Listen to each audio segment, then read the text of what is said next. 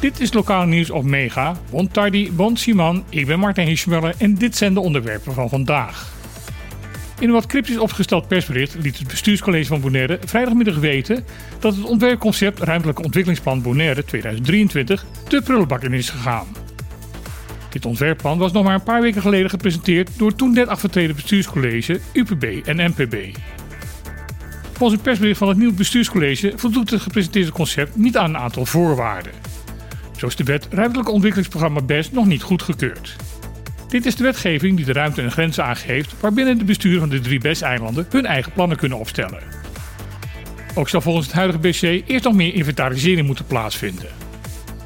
Totdat er een compleet nieuwe opzet is gemaakt, blijft het huidige ruimtelijk ontwikkelingsplan uit 2010 geldig. Huidige bestuurscollege is daar ook niet veel mis mee, maar worden de problemen veroorzaakt door gebrek aan effectieve uitvoering, toezicht en handhaving. De euro wordt momenteel weer duurder ten opzichte van de Amerikaanse dollar. Vandaag krijgen we 1 dollar nog maar 91 eurocent. Daarmee is de dollar op het laatste niveau gekomen van de afgelopen drie maanden. Het ziet eruit dat deze trend voorlopig niet zal stoppen. Dit betekent dat alles wat uit Europees Nederland komt automatisch duurder zal gaan worden. Omdat veel van de levensmiddelen die we hier op het eiland gebruiken daar vandaan komen, zal dat onmiddellijk te merken zijn bij het doen van de dagelijkse boodschappen. Daarmee zullen de kosten van het levensonderhoud op de Besseilanden verder worden verhoogd. Er is ook nog wel een positieve kant aan het verhaal.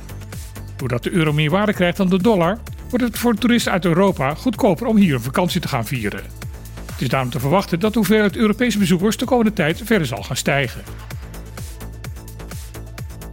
Opeens zijn ze in het straatbeeld van Kraandijk verschenen. Elektrische steppen. Zwart is hij aangekleurd en op diverse locaties in het centrum van Kraandijk in groepjes geplaatst op plekken waar veel mensen langskomen. Na wat zoeken blijkt het bedrijf op Bonaire hierachter te zitten. Maar wat dit bedrijf is en wie er achter schuil gaat, blijft onduidelijk. Wel is duidelijk dat het onderdeel is van de wereldwijd opererende organisatie Hobbike. Dit vanuit IJsland opererende bedrijf heeft in 17 landen vestigingen, waaronder dus Bonaire. Door een app te downloaden kan je de steppen gebruiken en betalen. De bedoeling is dat je ze na gebruik weer terugzet op een plek waar al anderen geparkeerd staan. Ondertussen is op social media een flinke discussie losgebarsten of dit soort tweewielers wel legaal zijn. Een verhuurder van elektrische aangedreven scooters en motoren zegt op Facebook dat hij al een post geleden van de politie heeft te horen gekregen dat dit niet zomaar kan. Dit soort type steppen wordt op Bonaire gezien als motorvoertuigen, waar een rijbewijs voor nodig is en het dragen van een helm. Op 1 juli 2024 zal het wettelijk minimumloon flink omhoog gaan en gelijktijdig wordt het sociaal minimum vastgesteld. De aankondiging daarvan zijn minister Schouten van Armoedebestrijding dat er ook hard gewerkt wordt aan een wet voor werkloosheidsuitkering. Toch zal de invoering van een BW-regeling voor de BES nog een poos op zich laten wachten. In een overzicht welke wetgeving voor de BES momenteel in voorbereiding is, valt te lezen dat het de verwachting is dat het concept van deze wetgeving pas in 2025 klaar zal zijn. Daarna zal het concept in consultatie moeten worden gegeven, de daaruit komende feedback worden verwerkt en daarna goedgekeurd moeten worden in de Eerste en Tweede Kamer. Daarom kan er rustig gesteld worden dat de BES voor 2026 geen werkloosheidsuitkering zal gaan kennen.